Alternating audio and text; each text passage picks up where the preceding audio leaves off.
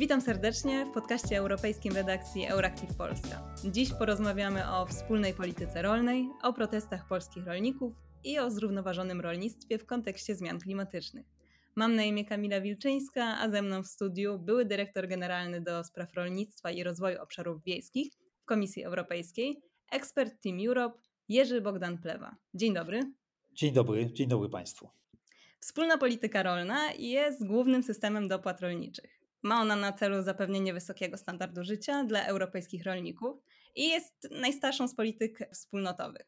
A jej zasadniczy cel, jakim jest dostarczanie względnie taniej żywności, był przez lata spełniany. Nowa wspólna polityka rolna przewiduje szereg środków dla małych i średnich gospodarstw, a także młodych rolników.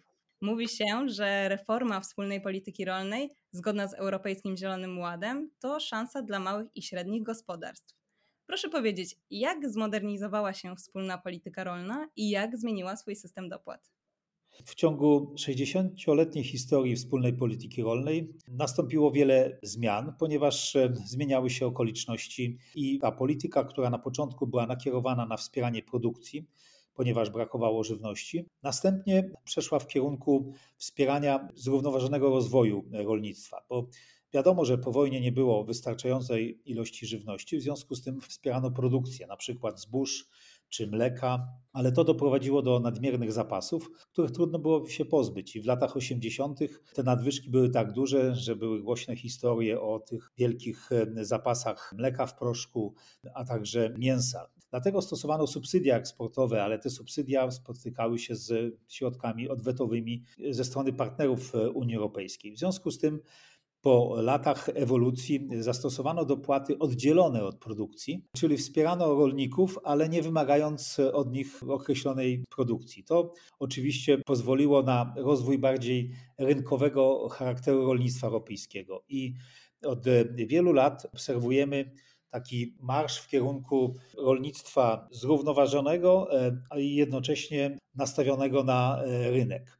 Oczywiście rolnicy dostają e, dopłaty do dochodów w postaci dopłat bezpośrednich, ale żeby e, rolnictwo było rynkowo ukierunkowane i e, mogło konkurować na rynkach światowych, to bardzo dużą uwagę przywiązuje się do wspierania modernizacji gospodarstw rolnych. I stąd tak zwany drugi filar, oprócz dopłat bezpośrednich, jest drugi filar rozwój obszarów wiejskich, gdzie na przykład rolnicy dostają wsparcie do inwestycji modernizacyjnych gospodarstw rolnych po to, żeby podnieść konkurencyjność. Mówiłem o tym zrównoważeniu. Tutaj również bardzo dużą rolę Unia przywiązuje do dobrostanu zwierząt. W związku z tym można dostać w ramach środków unijnych wsparcie na przykład na gospodarstwa produkujące metodami ekologicznymi, które produkują e, w sposób właśnie zrównoważony, a także na podwyższenie standardów dotyczących e, dobrostanu zwierząt.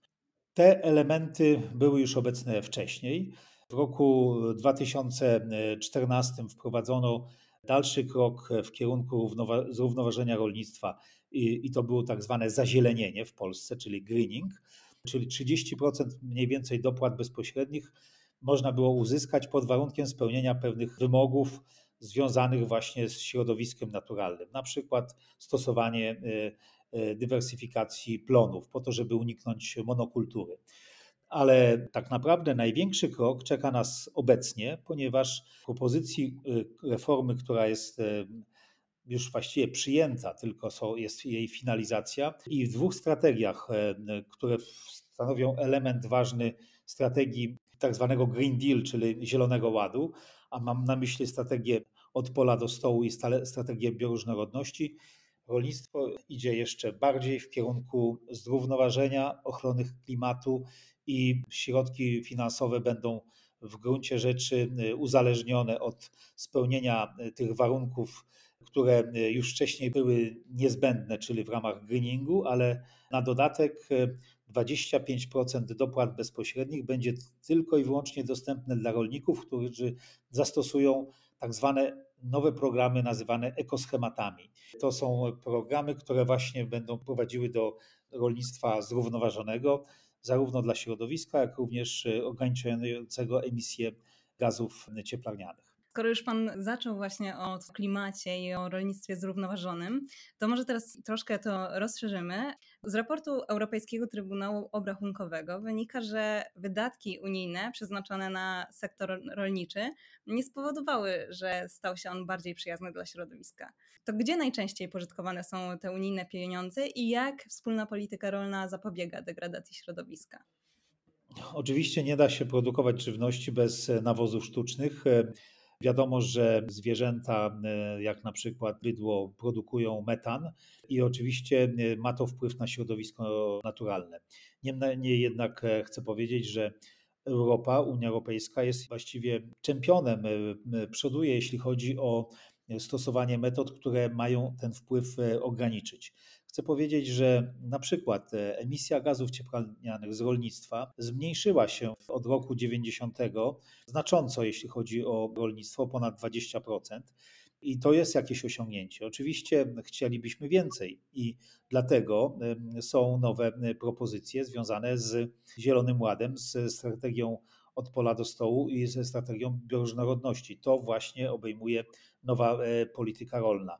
Ale jest jeszcze jeden istotny element, który jest e, obecnie proponowany. To dotychczas e, tak naprawdę wsparcie dla rolnictwa było uzależnione od spełnienia wymogów, czyli wystarczyło właściwie spełniać wymagania i no, otrzymywało się dopłaty bezpośrednie na przykład. Obecnie nowy element to jest sposób wdrażania tej polityki nakierowany na osiąganie celów. Jest dziewięć celów strategicznych na poziomie unijnym. Trzy to są ekonomiczne, bo wiadomo, że nie, gospodarstwa rolne nie będą mogły y, produkować i dostarczać tych dóbr y, publicznych, jakim jest ochrona środowiska i klimatu, jeśli nie będą ekonomicznie żywotne. W związku z tym trzy cele są ekonomiczne, trzy są rolno-środowiskowe i klimatyczne i trzy socjalne i społeczne.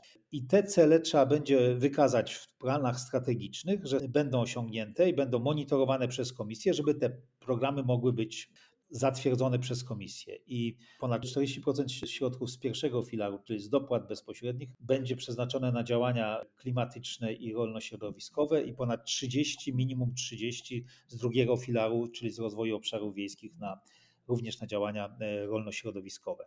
Podsumowując, chcę powiedzieć tak, słowa krytyki oczywiście są uzasadnione, bo nie wszystko udało się e, osiągnąć, ale e, osiągnięto więcej niż w innych państwach, ale na podstawie właśnie tej oceny przygotowany został plan jeszcze bardziej ambitny niż dotychczas.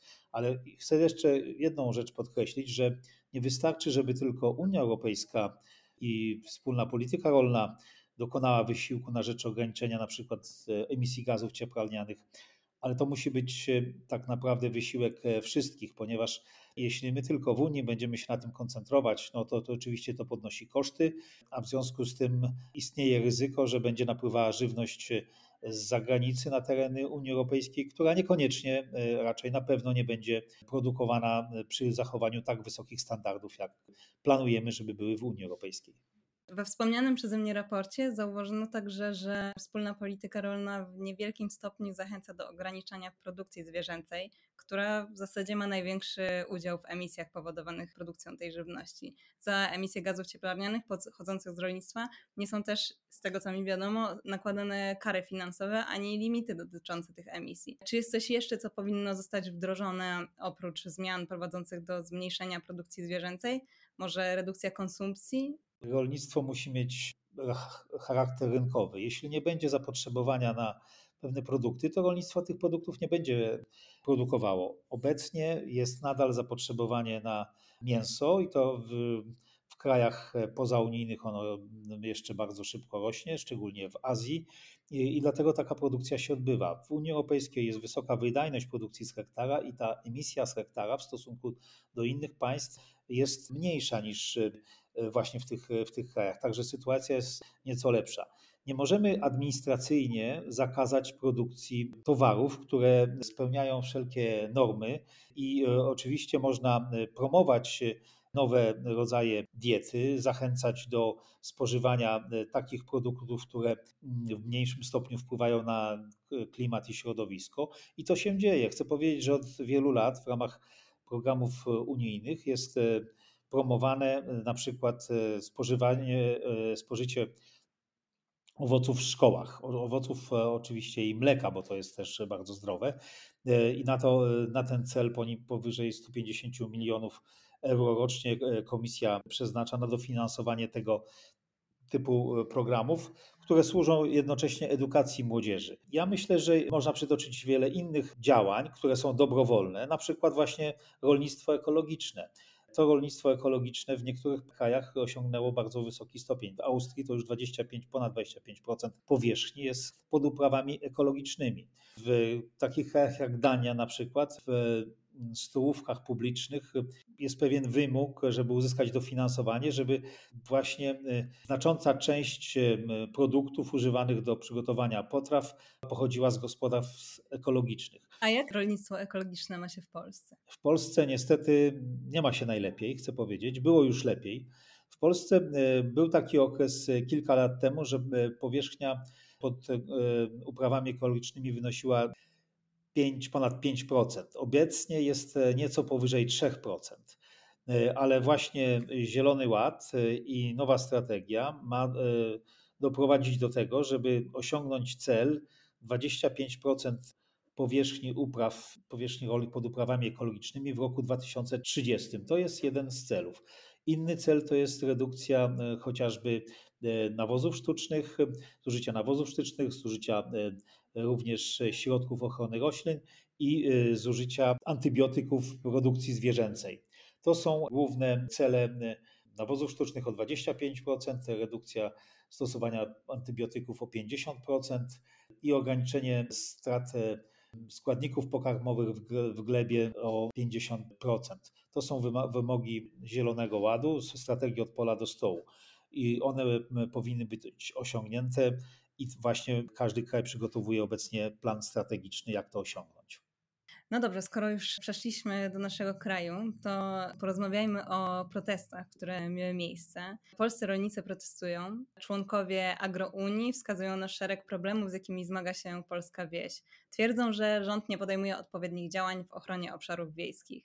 Lider Agrounii, Michał Kołodziejczak, zwracał uwagę, że każdego dnia upada około 50 gospodarstw, a z roku na rok coraz taniej sprzedaje się polskie warzywa. No więc jaka przyszłość czeka polskie wsie? Jak przebiega wdrażanie polityki rolnej w Polsce i w jaki sposób rząd realizuje dopłaty unijne? No ja rozumiem rozgoryczenie rolników, e, które również spowodowane jest tym, że na przykład bardzo wzrosły ceny środków produkcji ale dzielmy jakby elementy polityki rolnej wspólnotowej od polityki krajowej. Chcę powiedzieć, że to są dane y, nie tylko Unii Europejskiej, ale na stronie Ministerstwa Finansów można znaleźć y, aktualizowaną co miesiąc tabelę, która pokazuje transfer środków do y, Polski z Unii Europejskiej. I ten transfer do miesiąca czerwca tego roku wyniósł netto 128 miliardów od początku akcesji. Na rolnictwo około 65 miliardów, czyli widzimy, że więcej niż praktycznie połowa środków trafiła na, na rolnictwo, z czego ponad 40 miliardów na dopłaty bezpośrednie. Czyli bez takich środków e, rolnicy w Polsce nie byliby w stanie konkurować na rynkach światowych i na rynku unijnym. Chcę powiedzieć, że polskie rolnictwo w dużym stopniu poprawiło swoją konkurencyjność i staliśmy się eksporterem netto e, żywności. Jak, jak przystępowaliśmy do Unii Europejskiej, to Polska więcej żywności importowała niż eksportowała. Obecnie ta nadwyżka w eksporcie wynosi grubo powyżej 10 miliardów euro rocznie i 80% żywności trafia na rynki unijne. Głównie do Niemiec, Francji, ale także no nie do niedawna jeszcze do Wielkiej Brytanii, która była w Unii, a do, do Wielkiej Brytanii oczywiście ten eksport jest kontynuowany. To pokazuje, jak ważny jest dla polskich rolników rynek unijny, bo często słyszę w tych postulatach takie bardzo populistyczne hasło: zamknijmy granice. No jeśli byśmy zamknęli granice dla import żywności do Polski, to oczywiście nie, nie, nie można się spodziewać, że w tym czasie byłyby otwarte granice na polski eksport. A gdybyśmy nie mogli eksportować naszej żywności, to po prostu nadwyżki byłyby takie, że nie poradzilibyśmy sobie z zapasami mleka, przetworów mleczarskich, serów, mięsa drobiowego. Polska jest jednym z czołowych producentów, nawet wyprzedziła Francję i czołowych eksporterów. Mamy duże kłopoty i myślę, że to jest jeden z powodów realnych, jeśli chodzi o, o protesty rolników. To jest program tak zwanego afrykańskiego pomoru świń, ASF. Unia Europejska wspiera kraje członkowskie w walce z tym pomorem, który jest bardzo trudny do zwalczenia. I tutaj Polska, można powiedzieć, nie radzi sobie. Coraz większy obszar kraju jest w tych strefach zagrożenia. I tak naprawdę największe trudności mają e, producenci mięsa wieprzowego. I tutaj nie znaleziono już przez kilka lat rozwiązania. Jedyny kraj, który akurat poradził sobie, można powiedzieć, skutecznie z ASF-em do tej pory, to są Czechy. Ale Czechy podjęły bardzo drastyczne e, kroki, jeśli chodzi o tak naprawdę stado dzików, a także bioasekurację gospodarstw. Panuje często przez polityków rozpowszechniane takie nieprawdziwe, nieprawdziwy pogląd, że jak są duże gospodarstwa, to jest właśnie problem z ASF-em, a jak są małe gospodarstwa, to jest łatwo e, to e, zwalczyć. Otóż akurat jest odwrotnie, bo w Czechach są bardzo duże, jedne z największych gospodarstw w Unii Europejskiej i właśnie w takich dużych gospodarstwach e, problem inwestycji w bioasekurację, w te środki zabezpieczające, higieniczne, a także brak kontaktu osób z zewnątrz i, i dzikich zwierząt ze stadem są łatwiejsze, są, są nagminnie wprowadzane i tam nie ma e, takich problemów. No, w Polsce niestety, mimo wielu akcji propagandowych, nie udało się tego rozwiązać i to jest jeden z najtrudniejszych problemów dla polskiego rolnictwa, dla polskich producentów mięsa wieprzowego. I tutaj myślę, że władze sobie nie radzą po prostu. A jak Polska odpowiada na wyzwania stojące przed y, unijnymi wymaganiami co do rozwoju obszarów wiejskich i właściwie dlaczego należy wspierać rozwój obszarów wiejskich? No tutaj e, chcę powiedzieć, że e, kluczem będzie Kluczem będzie tak naprawdę ten program strategiczny, który będzie pokazywał, jak reforma wspólnej polityki rolnej, która ma również zawierać te elementy Zielonego Ładu, będzie wdrażany w Polsce. I tu mam pewne obawy, ponieważ e, mamy już drugą wersję tego e, planu. Do 15 września minął termin składania uwag do, do tej drugiej wersji i y, patrzę z pewnym niepokojem, co jest proponowane przez e, Ministerstwo Rolnictwa, jeśli chodzi o ten plan strategiczny. Bo jak wiadomo, jeśli chodzi o wsparcie dla rolnictwa, no to ono jest wspierane z budżetu unijnego. Mówiłem o tych dwóch filarach. Pierwszy dopłaty bezpośrednie, a drugi to są rozwój obszaru, to jest rozwój obszarów wiejskich. Dotychczas, do roku 2020, Polska była największym beneficjentem e, programu rozwoju obszarów wiejskich, ale niestety w ramach e, tych negocjacji budżetowych środki na ten program rozwoju obszarów wiejskich są znacznie mniejsze niż to miało miejsce w poprzedniej siedmiolatce, aż o 1,4 miliarda euro. I już nie mamy pierwszeństwa, jeśli chodzi o największy program. Wyprzedziły nas chociażby Francja i Włochy. I w związku z tym mamy mniej pieniędzy na e, na przykład inwestycje w modernizację rolnictwa.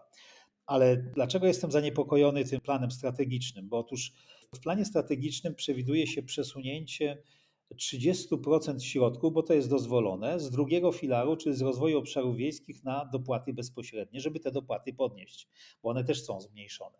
I się tłumaczy rolnikom, że tak będzie lepiej, ale te 30% to jest około 2 miliardów, a te 2 miliardy w drugim filarze były współfinansowane, dofinansowywane z budżetu krajowego. W pierwszym filarze nie są.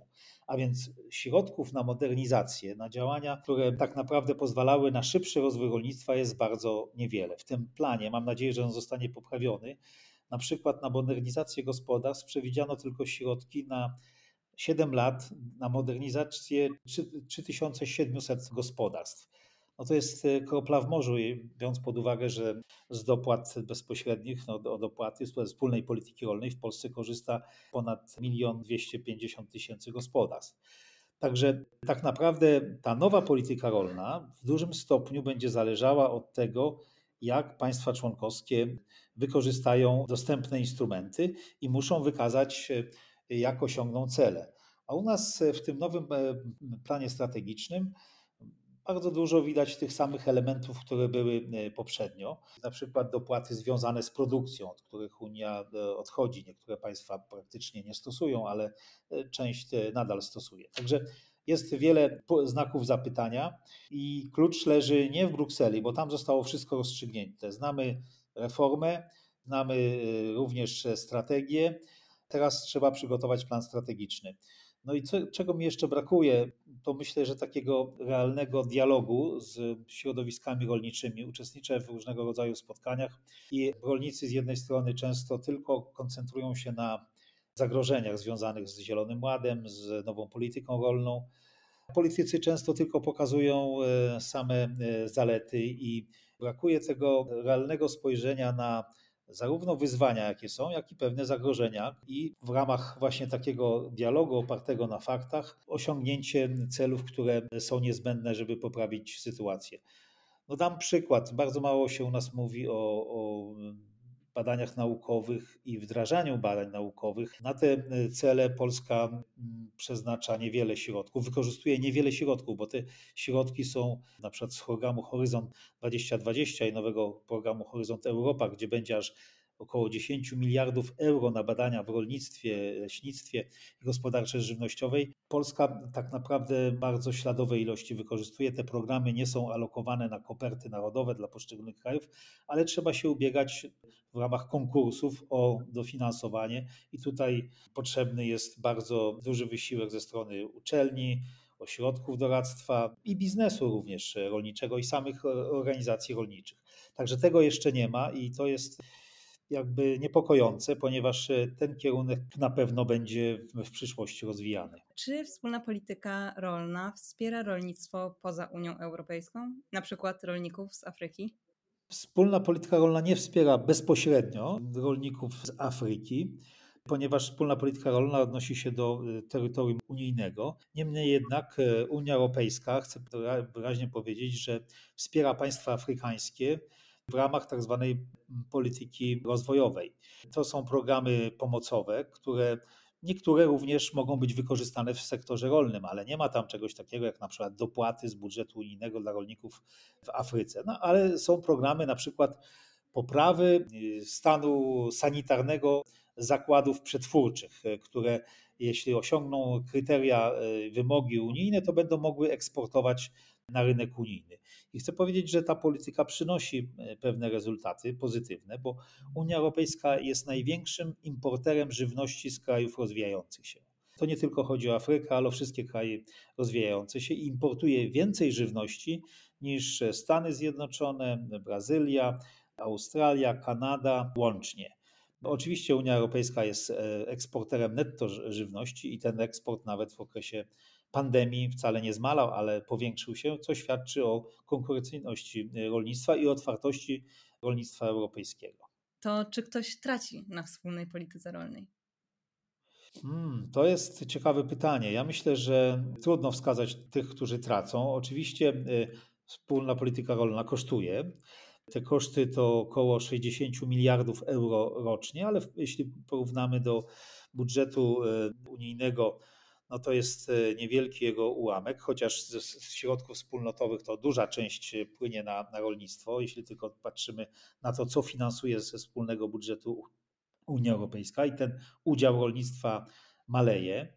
Ja myślę, że gdyby nie było wspólnej polityki rolnej, no to byłyby same trudności, dużo większe niż e, gdy mamy tą politykę rolną, bo trudno sobie wyobrazić na przykład jakby wyglądała konkurencja na rynku unijnym, gdyby każde państwo prowadziło odrębną politykę rolną. Przecież nie mamy żadnej ochrony celnej. Każdy może eksportować na rynek unijny towary, które spełniają określone wymogi. Także myślę, że jest dużo korzyści dla konsumentów, bo mimo wszystko ceny żywności y, są na takim poziomie, że ona jest dostępna, że no, nawet pandemia pokazała, że ten sektor jest y, w stanie również odpowiedzieć pozytywnie na tak duże szoki, jakie były związane z pandemią, gdzie nastąpiło przerwanie łańcuchów dostaw, a jednak e, e, żywność była produkowana i dostarczana dla konsumentów w tak trudnych warunkach. Także ja bym się raczej doszukiwał e, sposobów, jak poprawić tą sytuację, i to na pewno dużo jest kwestii związanych ze środowiskiem, i dlatego tak mocno wspieram cele Zielonego Ładu i uważam, że należy się rzeczywiście skupić na tym, jak e, wykorzystać to również dla poprawy utrzymania konkurencyjności, a nie tylko skupiać się na zagrożeniach, bo na pewno nowe wymagania będą e, powodowały dodatkowe koszty, ale te koszty właśnie mogą być sfinansowane z, ze wspólnej polityki rolnej. Dziękuję bardzo za rozmowę. E, moim i Państwa gościem był Jerzy Plewa, były dyrektor generalny do spraw rolnictwa i rozwoju obszarów wiejskich, ekspert Team Europe. Dziękuję bardzo. Projekt finansowany w ramach programu IMCAP Unii Europejskiej. Treść niniejszej publikacji przedstawia wyłącznie poglądy autora i jedynie autor ponosi za nią odpowiedzialność. Komisja Europejska nie przyjmuje żadnej odpowiedzialności za wykorzystanie zawartych w niej informacji.